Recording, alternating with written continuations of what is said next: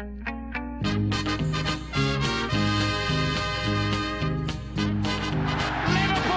are champions of Europe again. Liverpool are prize winners again. Liverpool is in the record books.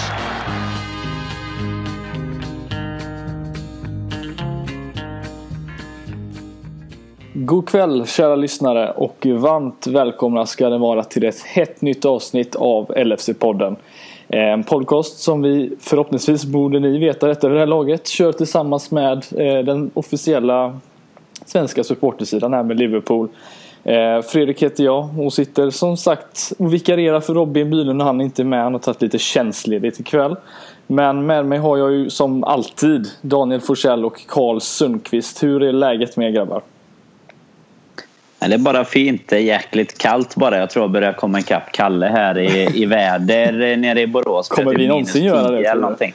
Ja, men jag tror han bara, de har det bara gott där uppe. De säger att det är snö och så är det bara gott. Vad har vi för, Nej, för gradvis uppe hos Kalle då? Ja, det är inte så farligt. Det är en par, tre minus kanske. Så att det, det är ingen fara än så Inte länge. värre än så.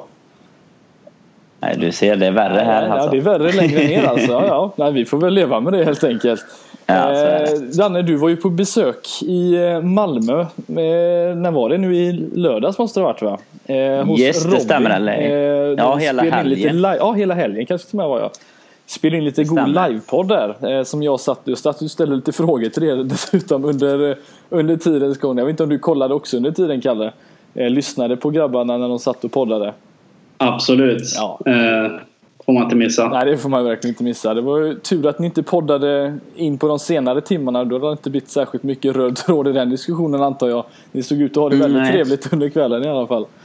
Det var, väl, eh, det var väl en som kom lite under de småsena timmarna får man säga. Ja. Det sista där. eh, Men jag tror det gick helt okej ändå. Det Ja. var ett jäkligt kul eh, test. Mm. Kul om, om folk lämnar lite kommentarer om vad de tyckte eller om någon har missat det så går det ju faktiskt se på vårt Twitterkonto här i efterhand och vårt det. nyskapade konto på Periscope som vi automatiskt fick när vi, när vi sände live via Twitter.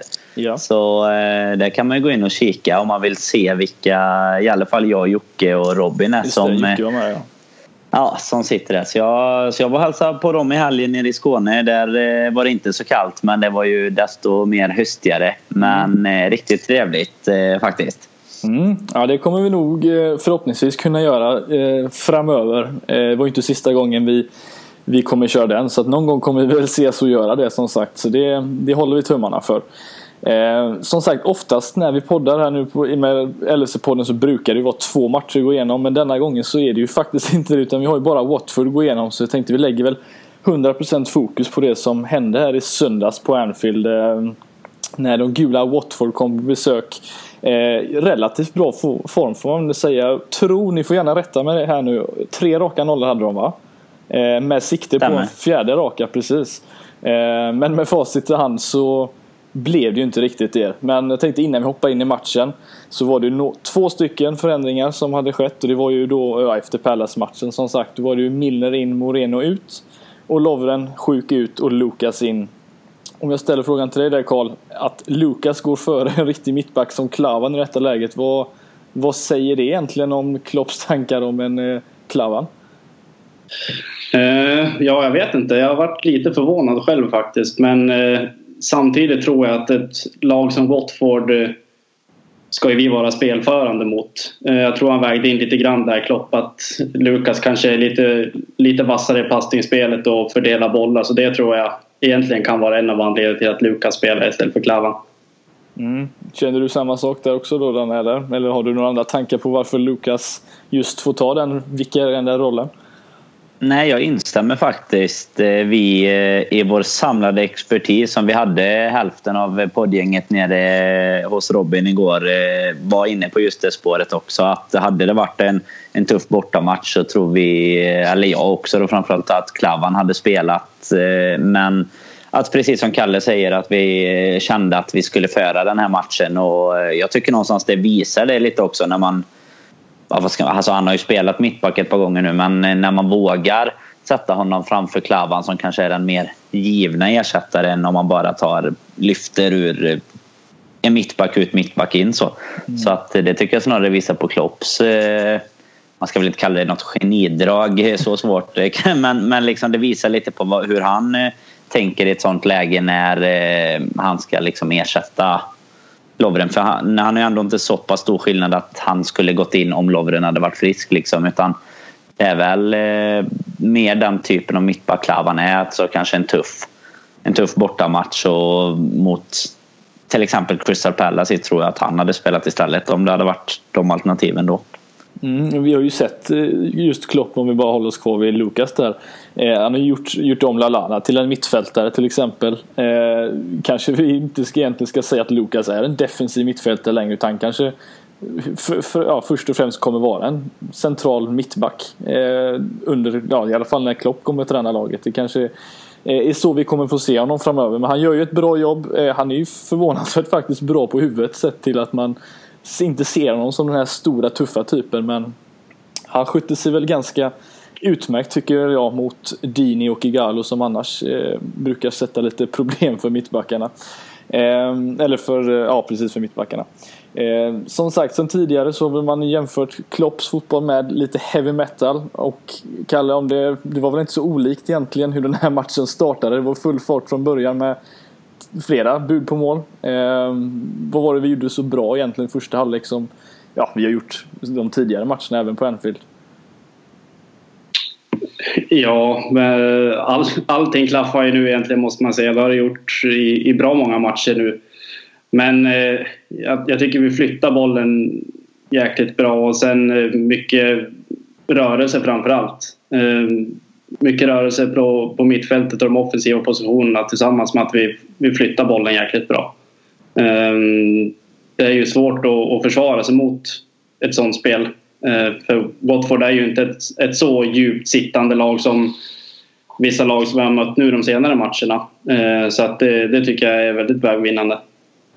Mm. Och det dröjde väl ungefär 20 minuter där innan första målet kom och det var ju efter en ja, en, en hörna igen får vi väl säga som vi, vi gör mål på. Denna gången var det Mané som nickade in den. Det var, mm, alltså Coutinho, hur, hur många assist tror du vi kommer få se av honom innan eh, säsongen är slut? Det var ju ett fruktansvärt fint mål måste jag säga. Det är ovanligt att se oss göra den typen av mål. Eh, när ja, anfallaren slänger sig fint och skarvar in den i, i bortre hörnet. Ja, absolut. Det var riktigt vackert. Ett bland många där. Vi hade ju, så, precis som du nämnde innan, också många, riktigt många chanser. Bland annat Lukas, som vi var inne på innan, hade ju faktiskt en riktigt bra chans att göra sitt första mål på, på många år. Och andra Premier League-mål tror jag väl att eh, Holmgren eh, skanderade ut att han var nära på att sätta där. Eh, men nej, hörnmål, det är väl våra nya melodi känns det som. Vi har aldrig... vi har inte gjort det på länge tyckte vi inför förra, eller då när vi pratade ner Pallas-matchen och nu gör vi ytterligare här. Och jag läste faktiskt någonstans här under dagen att Coutinho är väl inblandad i, nu ska jag inte ta den statistiken direkt på eh, och säga att jag är 100% säker. Men jag läste någonstans att han var inblandad i flest mål i hela Premier League just nu. Alltså mål och assist då, om man räknar ner den här klassiska statistiken hur många minuter det är mellan varje mm. gång man är inblandad i ett mål om man säger då. Ofta räknar man ju bara mål kanske men räknar man mål och assist så låg han faktiskt först i hela ligan just nu. Ja det stämmer faktiskt. Eh. Jag, tänkte, jag tänkte faktiskt precis komma till det för det är ju som sagt Coutinho som gör det här 2-0 målet dessutom. Som eh, ja, egentligen var ju över redan efter 1-0 kändes det som. Så bra som vi spelar men det satte väl ännu svårare för Watford. Det, det är faktiskt som jag läste då. Ett mål eller assist var 70, eller every 71st minute eller hur man då säger det på svenska. Det är liksom mål eller assist var 71 minut eller hur säger man egentligen? Det är ju helt galet egentligen. Eh, så det, det, det, ska nog stämma. Men det var när han gjorde det målet ska vi tillägga. Eh, sen efter det så tar det ju andra minuter men det är fortfarande grymt bra statistik att ha. Eh, och han fortsätter ju lever, leverera som sagt. Eh, sen var det ju 3-0 innan halvtid. Eh, jag vet inte om det var, det var ju mitt favoritmål. Jag vet inte vilka ni hade i matchen. Det var ju sex stycken att välja mellan. Men eh, Lallana hittade ett chan där på bortre som nickade in trean. Och det var väl som, jag tror du har nämnt det tidigare Daniel, just den här propagandafotbollen. Eh, alltså det är ju, så fantastiskt att se. Alltså jag vet inte riktigt om jag har några ord för att förklara hur glad jag är att se Liverpool spela. Ni måste väl känna exakt samma sak? Ja, det är ju precis så man känner när man sitter där. Man njuter ju bara. Eh, alltså det är ju helt... Eh, jag kan inte påminna mig om att man har varit eh, så här, vad ska man säga, lycklig över att se dem på... Man, man går in med en helt ny känsla liksom.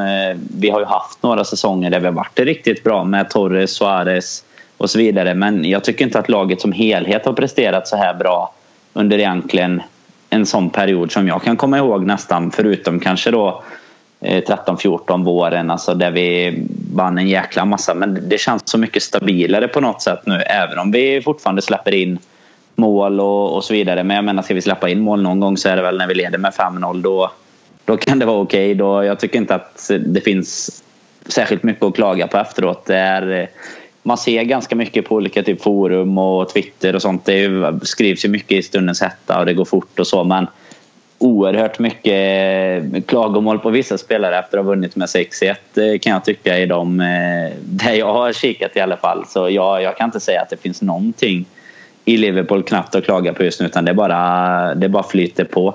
Som eh, Chan visade där, de bara flyger fram. Ja, just det. Man visar efter sitt mål.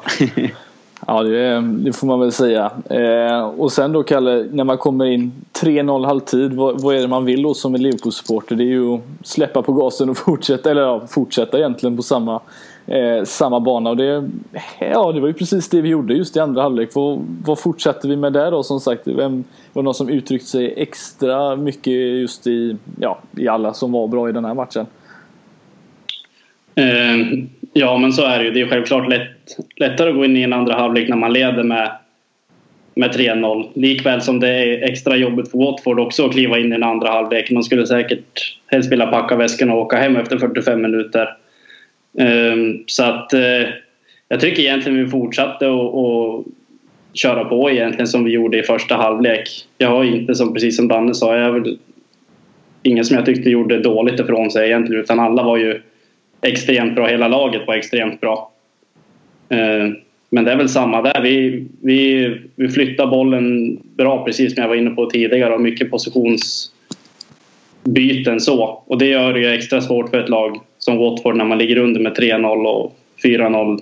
Och så att, nej, jag tycker vi gör en bra match rakt igenom. Från, ända från Karius fram till, fram till Firmino egentligen. Det är lite synd att man ska släppa in ett mål men samtidigt, det är en vågskål. Gör man sex mål framåt så gör det inte mig så mycket att vi släpper in ett bakåt.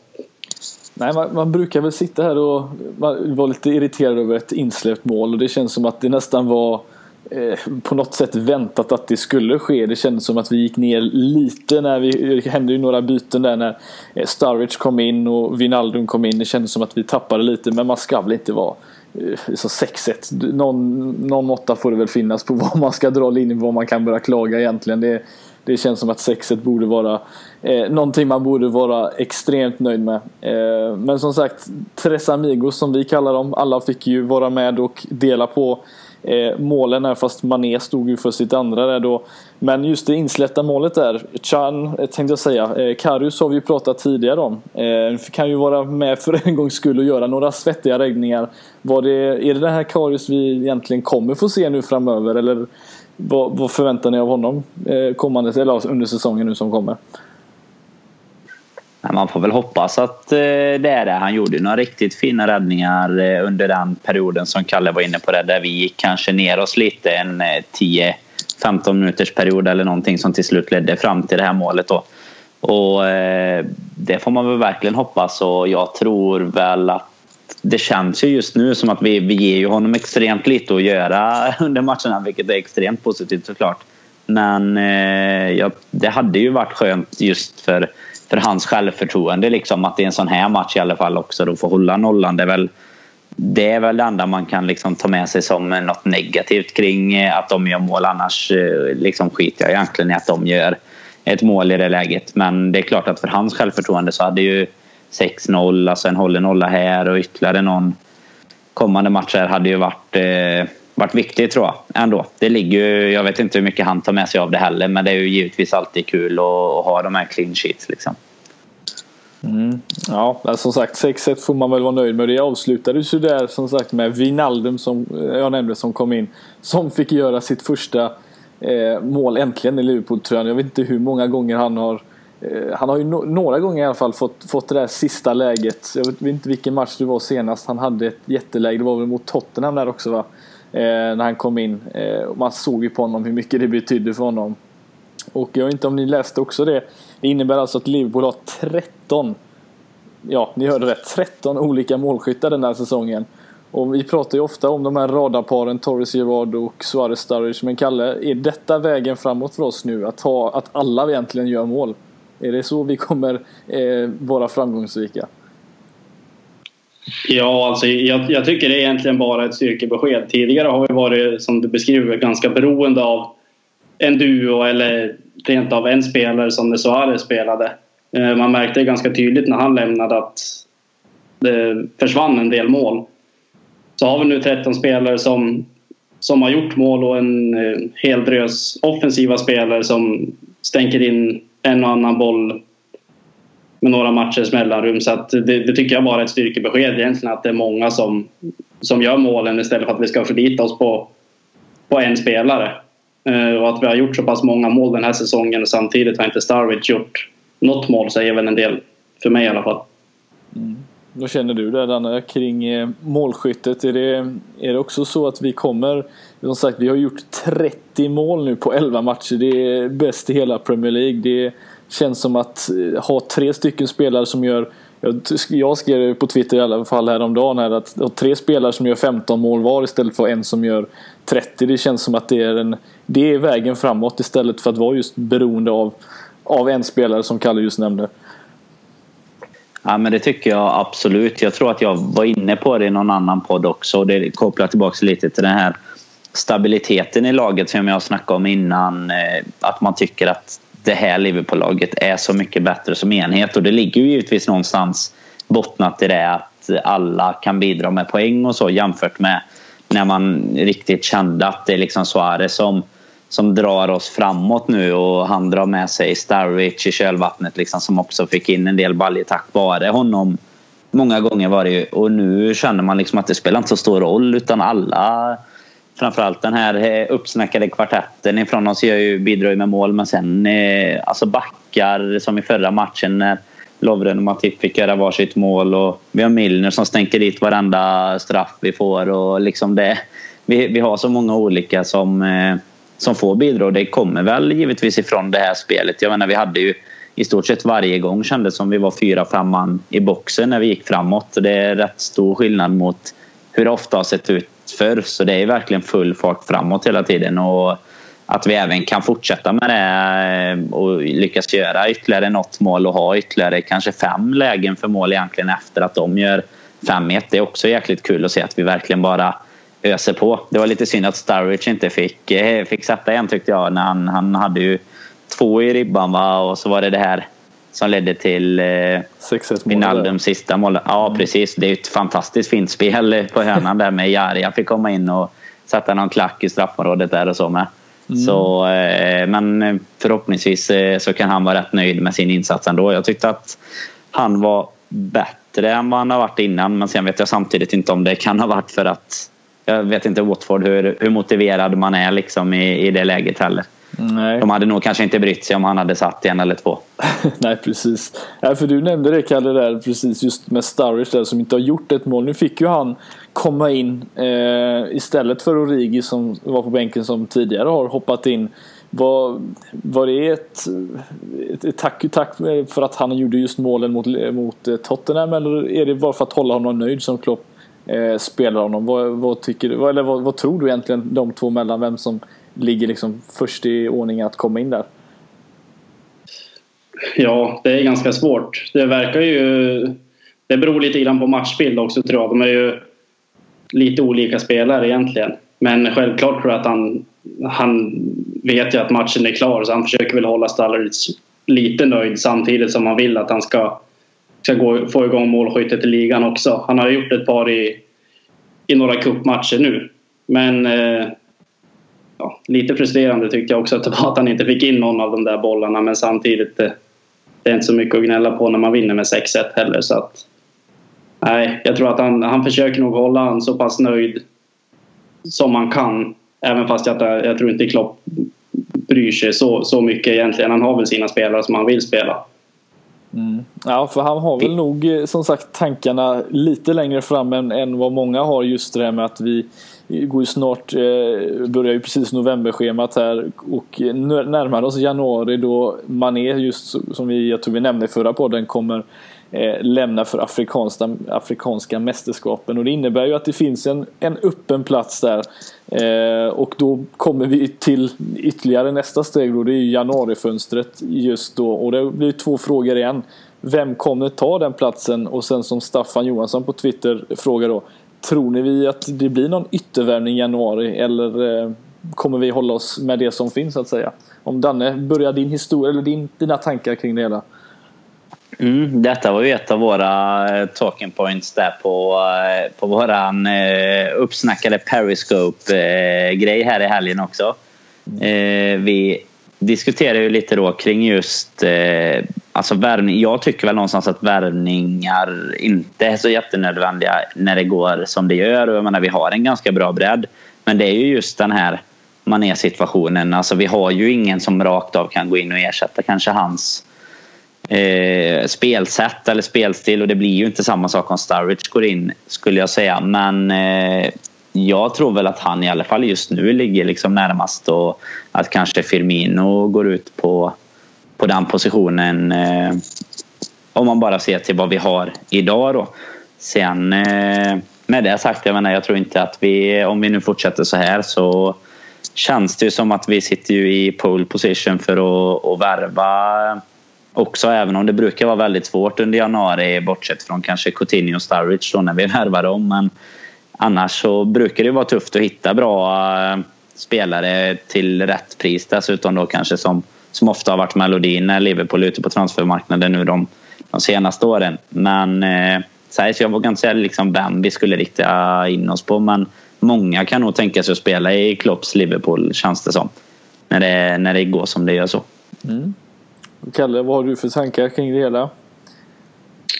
Ja, det är lite, lite liknande Danne där faktiskt. Eh, man får ju ha åtanke att man är borta i en månad förhoppningsvis om det inte händer någonting där, ta i trä. Men vi har ju två spelare bakom som, som kan fylla på och göra det med, med råge i, i Sturridge och Origi. Så jag tror helt klart att Sturridge kommer få, få den där rollen tillsammans med Origi också. Eh, januarifönstret i mina ögon är väl egentligen ett fönster för att kunna släcka lite bränder under säsongen om man har åkt på några riktigt tunga skador eller sådär. Ehm, så jag är tveksam till att vi kommer värva någonting, någonting på den, den biten i januari. Jag har ingenting emot om vi gör det. Men jag skulle gärna se att vi, vi ger Sturridge den möjligheten för att han är en spelare med riktigt bra kvalitet när allting stämmer.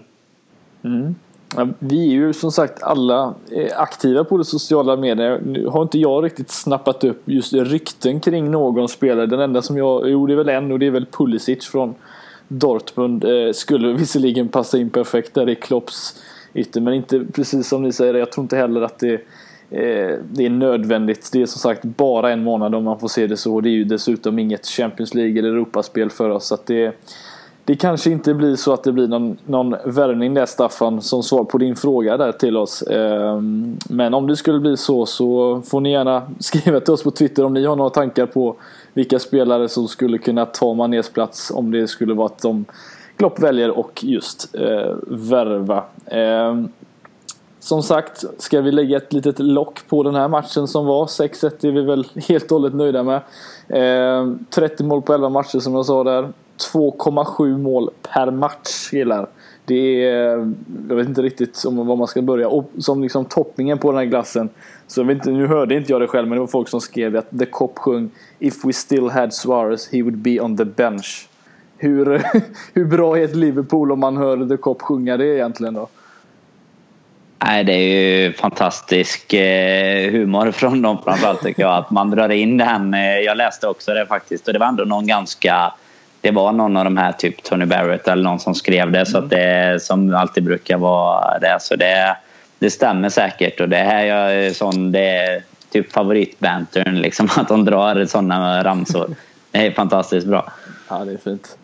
Eh, sen, jag vet inte om ni läste också just det att vi tycker ju alltid att den här conversion raten vi har att det känns som att vi har väldigt många skott som måste gå på mål innan vi gör just mål. Eh, 17 skott på mål hade vi eh, senast. Eh, det är alltså sedan Opta började samla in statistik där 03-04 så har inget lag lyckats skjuta fler skott på mål av 30 sammanlagt nu då. Eh, så att vi ska väl vara, de ska väl vara glada att det inte blev mer än sex mål eh, i den matchen skulle jag väl gissa på eh, för Watford. Eh, utöver detta kan vi väl säga just våran tipptävling. Det var ju ingen av oss, eh, om inte, nej vänta nu, Kalle du var ganska optimistisk inför den här matchen i våran lilla tipptävling vi hade innan. Du trodde väl att de skulle bli överkörda har jag för mig? Eller var det, nej, det var, kanske som sa det? Var jag som, det var jag som eh, låg på där. Jag tror att jag sa 4-1. Eh, ja. Det var ju i underkant, eh, något underkant märker man ju nu efterhand. Men eh, det, det var lite sådär tappen ur tunnan snackade jag ju om i förra podden. Mm. Och det stämde ju i alla fall. Så lite, lite tippkung är man ju alltid. Jag sa att det skulle bli en tight historia men det var väl endast innan avsparken i så fall. Det var väl efter så fort första sparken var gjord så var det väl ja, inte riktigt så tight som jag trodde det skulle bli. Men det var ju ingen av våra lyssnare som lyckades tippa rätt så att det kommer ju ja, leva vidare tills nästa gång som blir Southampton den eh, 19 november om jag inte är helt ute och cyklar. Eh, så det är många dagar tills dess tyvärr när man ser ett Liverpool spela så här bra.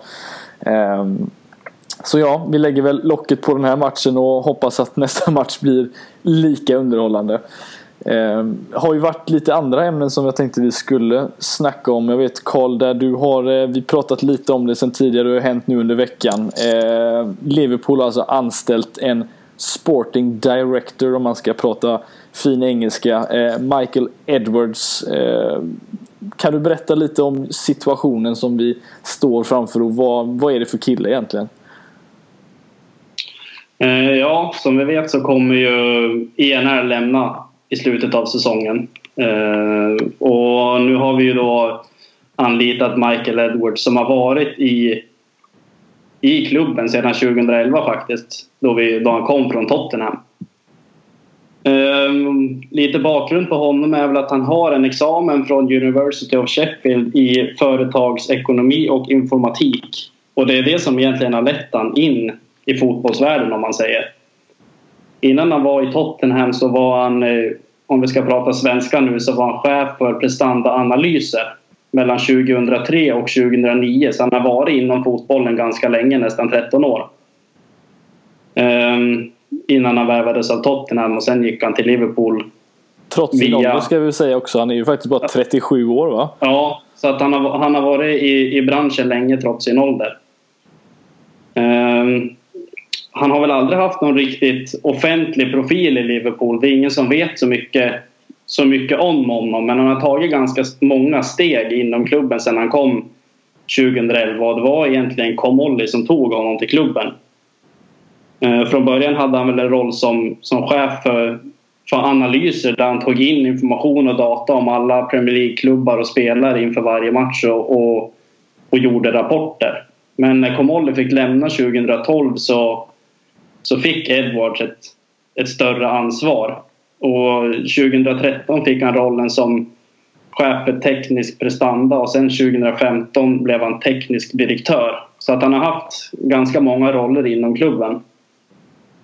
Men den här nya rollen nu om man ska se till den så är det väl egentligen att han kommer få allt ansvar egentligen för all fotbollsverksamhet och kommer ansvara för spelarrekrytering på både A-laget och akademin.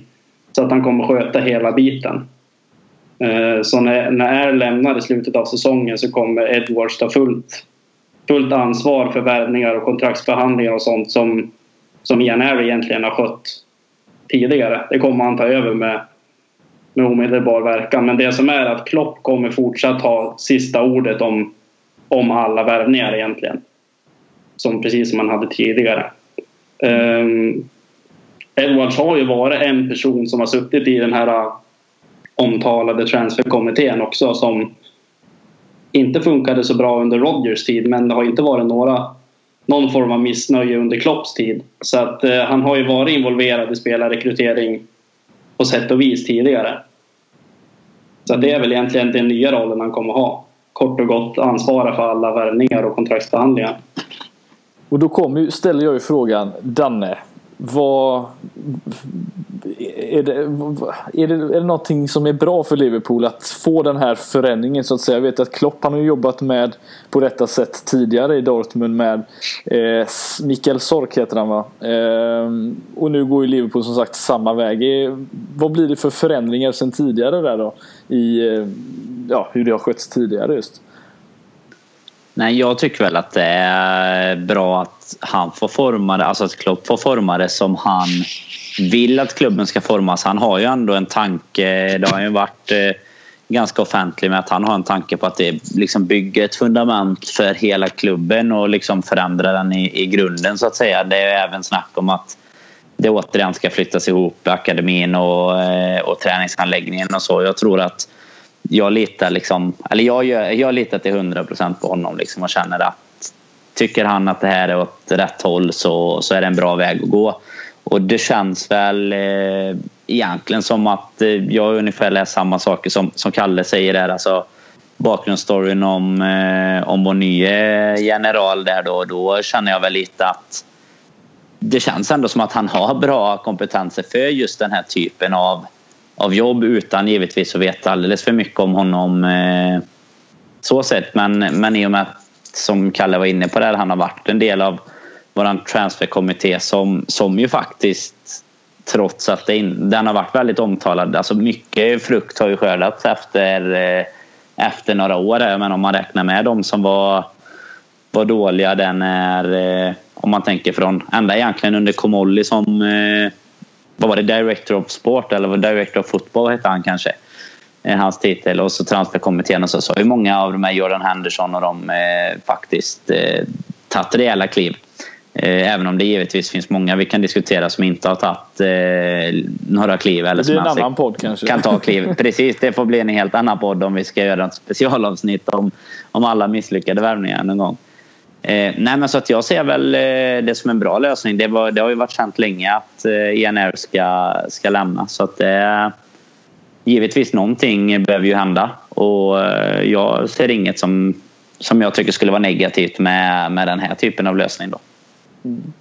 Ja, det känns ju som att Liverpool som klubb egentligen har tagit väldigt bra steg eh, liksom just med den här delen. Du har spelarrekrytering, alltså spelare som just passar profilen som de är ute efter.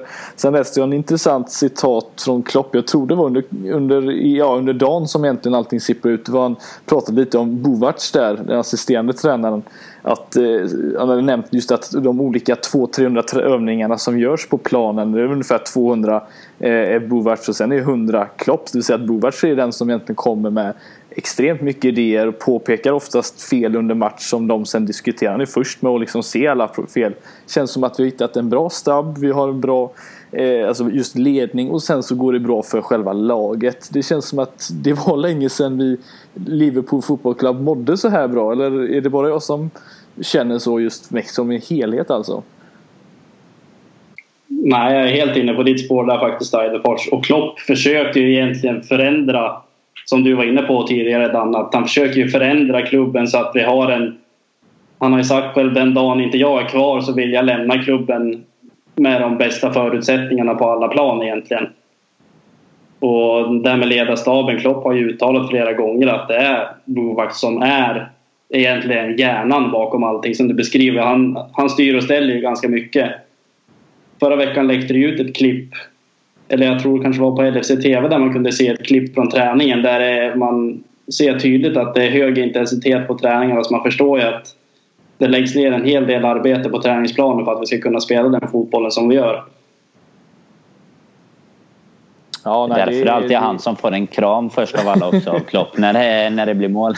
Precis. Ja, det, är, det är kul att se just eh, hela Liverpool må så här bra. Det, vi hoppas ju verkligen att det kommer hålla i sig om inte i 38 matcher denna säsong så många säsonger framöver i alla fall. Ehm, och det är just det där med de här olika rollerna som vi har pratat, eh, pratat om. Så kommer vi egentligen in på ämne nummer två som vi faktiskt kan på något sätt vira in i detta. Eh, har ju som sagt, det skedde väl egentligen i, till natt natten till idag va? Att eh, LA Galaxy blev utslagna i MLS slutspel. Det kan mycket väl stämma. Hoppas jag i alla fall att det var nu den här, det här datumet. Eh, och det innebär ju just att Gerards karriär i den amerikanska klubben egentligen är slut då. Eh, och vi har ju pratat om det tidigare just det här med vad det finns för olika roller. Nu är du verkligen ett hett ämne här nu Danne. Vad, kommer vi få se en, en roll för Gerard i, i den här klubben som mår sådär himla bra för tillfället? Mm, det är ju som du säger, nu eh, har han ju eller nu har de ju åkt ut eh, här och han har väl eh, deklarerat ganska väl att han liksom har gjort sitt i klubben. Vi diskuterade ju det för några veckor sedan här. Med, det var väl på Instagram han gick ut och sa tackade för tiden liksom. Och sen eh, någon dag senare så kom det info om att det var en fjärde baby Gerard på väg också. Så eh, att han flyttar hem eh, är väl ingen eh, högoddsare direkt eh, skulle jag säga. Och jag tror väl att Klopp är en sån... Eh, alltså han, han visade ju det. Det var ju någon presskonferens han fick frågan och liksom sa att han är alltid mer än välkommen eh, givetvis. Och det tror jag stämmer. Alltså jag tror att det absolut kommer finnas en roll eh, för honom. Och eh, att Klopp liksom eh, värdesätter den här statusen som han har Samtidigt som han givetvis har mycket kvar att ge uh, unga spelare, andra, med, alltså, nu tänkte jag säga lagkamrater men det vill jag inte att de ska bli till honom utan jag vill att de ska bli att han ska ha lite som jag tror det var du som var inne på det Eidefors va? Den nya Albeck. Nya Albeck lite, ja precis. Eh, lite liksom eh, nu tappar jag vad han är, players eh, coach typ eller ja, vad, vad, man säger. Snygg assistent bara. Det är ja, snyggt klädd. Ja. Nej, men liksom att ha, att ha den typen av roll för eh, jag ser inte... Jag, jag, vet att vi fick någon fråga, nu har jag det inte framför mig vem det var som frågade men jag ser inte honom eh, som en, eh, som en spelare i laget. Däremot kanske som någon som på träningarna är med och om han fortfarande håller den nivån, vilket nu jag kollar inte Galaxy någonting men jag tror att han säkert kan vara med och, och träna liksom och då på så sätt vara lite mentor som vi var inne på sist också då. För eh, både yngre men vi har ju ett ungt lag överlag så egentligen alla spelare och få in liksom vad Liverpool betyder för, för alla och Klopp känns verkligen som en, eh, en sån manager som värdesätter och ha en sån typ i laget skulle jag säga. Mm. Ja, det är faktiskt det andra yngsta, eller näst yngsta laget i Premier League för tillfället. Jag tror det är väl Tottenham som har det yngsta. Eh, men det, det, tar vi någon annan, någon annan gång. Eh, just det, Kalle, samma sak där då. Eh, är det så att han inte kommer spela i Liverpool, precis som ni tror inte jag heller nu då. Då är det just datumet den 7 november 2016. Det är då alltså datumet Gerard lägger skorna på hyllan. Det är ju en dag man får lägga på på minnet. Men eh, tror du precis som eh, Danne där också att det blir någon form av roll i Liverpool han kommer eh, ta del av på direkten eller kanske under eh, nästa säsong? Ja, nej, det är väl ganska uppenbart egentligen att han, han har nog gjort sitt som spelare och det är väl egentligen bara att lyfta på hatten är väl det minsta man kan göra för, för allt den mannen har, har betytt för, för så många människor. Men eh, som spelare är han, är han definitivt klar i Liverpool i alla fall. Så att han kommer ju nog få, få någon form av roll i klubben. Det är oklart just nu vad det är för någonting. Eh, men mest troligt rent logiskt sett så kanske det skulle vara från och med nästa säsong. Han kommer ju finnas med runt klubben nu när han flyttar hem.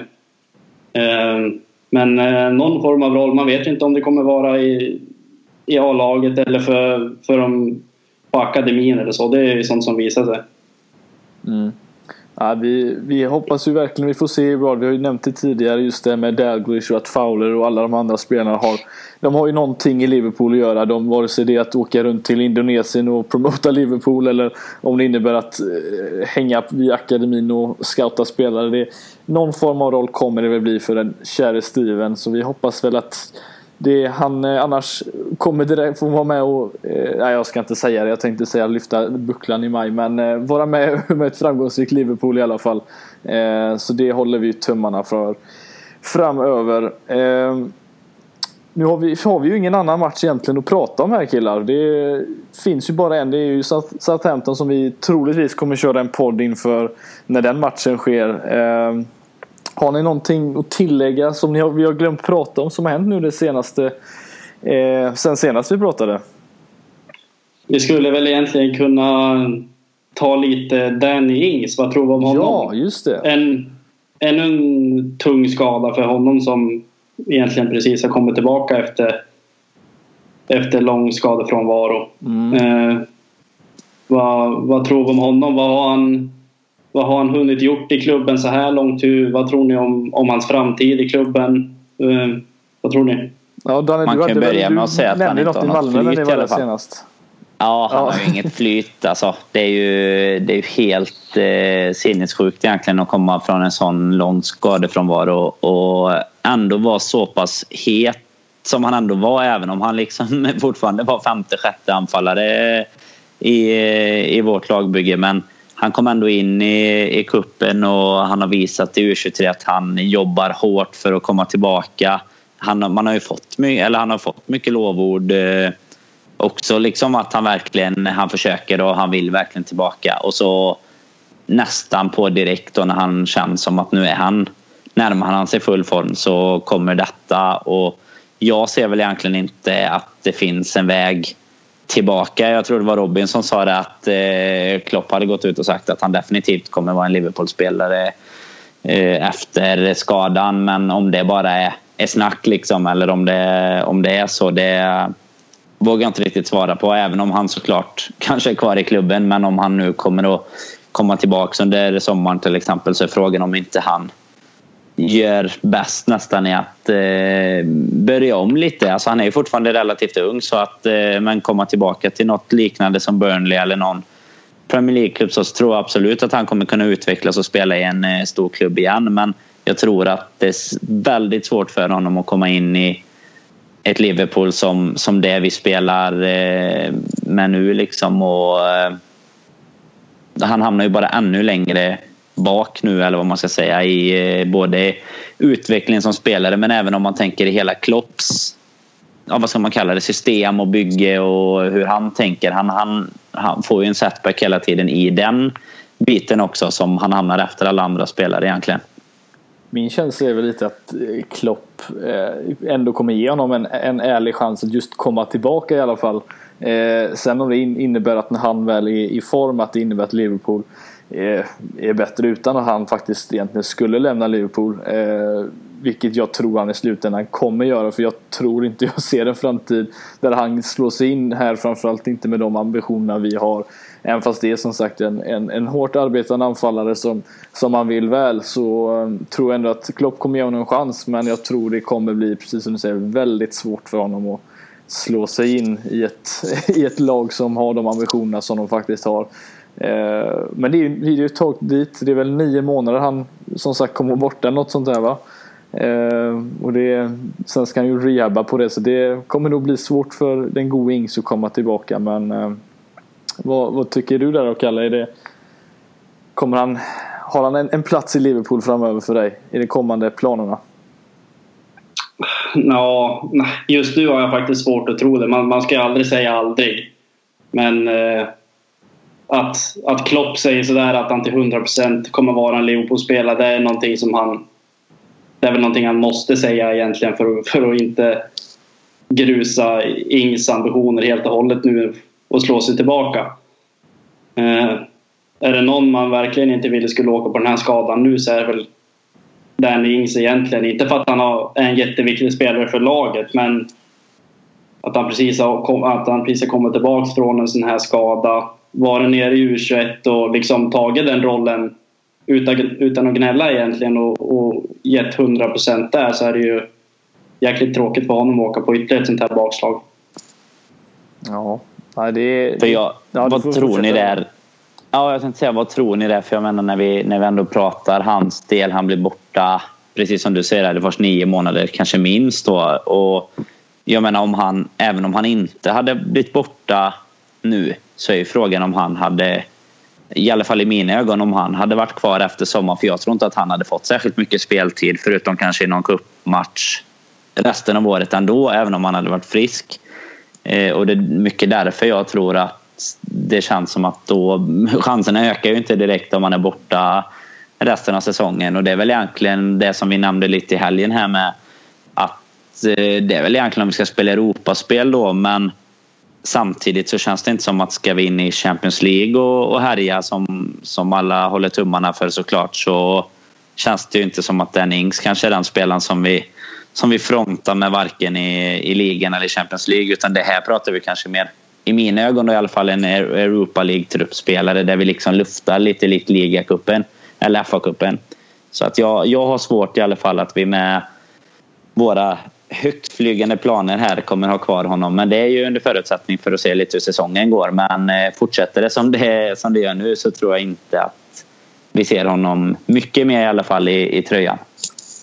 Just också, vad har, alltså just positionsmässigt också. Alltså, vi kör, de tre som vi har där framme just nu, de, de rör sig ju liksom överallt på hela planen visserligen. Men eh, jag ser ju fortfarande inte Ings som en som en ytteranfallare även fast han liksom gör jobbet så att säga. Jag ser honom fortfarande som en striker men just på sättet som Firmino spelar uppe som jag tror Klopp vill få ut av sin anfallare så tror jag inte heller att han kommer vara den som skulle kunna eh, ta den rollen heller utan det kommer som du säger bli lite inhopp och jag tror jag fortfarande han är den åldern där han vill utvecklas och få speltid. Eh, han också, vill ju också spela sig kanske till ett landslag och så vidare så att eh, Ja, det, det, blir väl svårt för Ings att komma tillbaka. Det här underlättade ju inte direkt för honom. Kan man väl eh, minst sagt säga. Så att vi håller väl tummarna för Ings för att han kommer tillbaka eh, starkare än någonsin. Eller vad är det man säger? Stronger than ever efter man kommer tillbaka. Vi får väl se vad, vad som händer. Eh, ja, killar. Det var väl ungefär det vi hade tänkt gå igenom idag va? Eh, 6-1 mot Watford. Ska vi göra samma sak mot Southampton igen som vi hände i ligacupen för förra säsongen?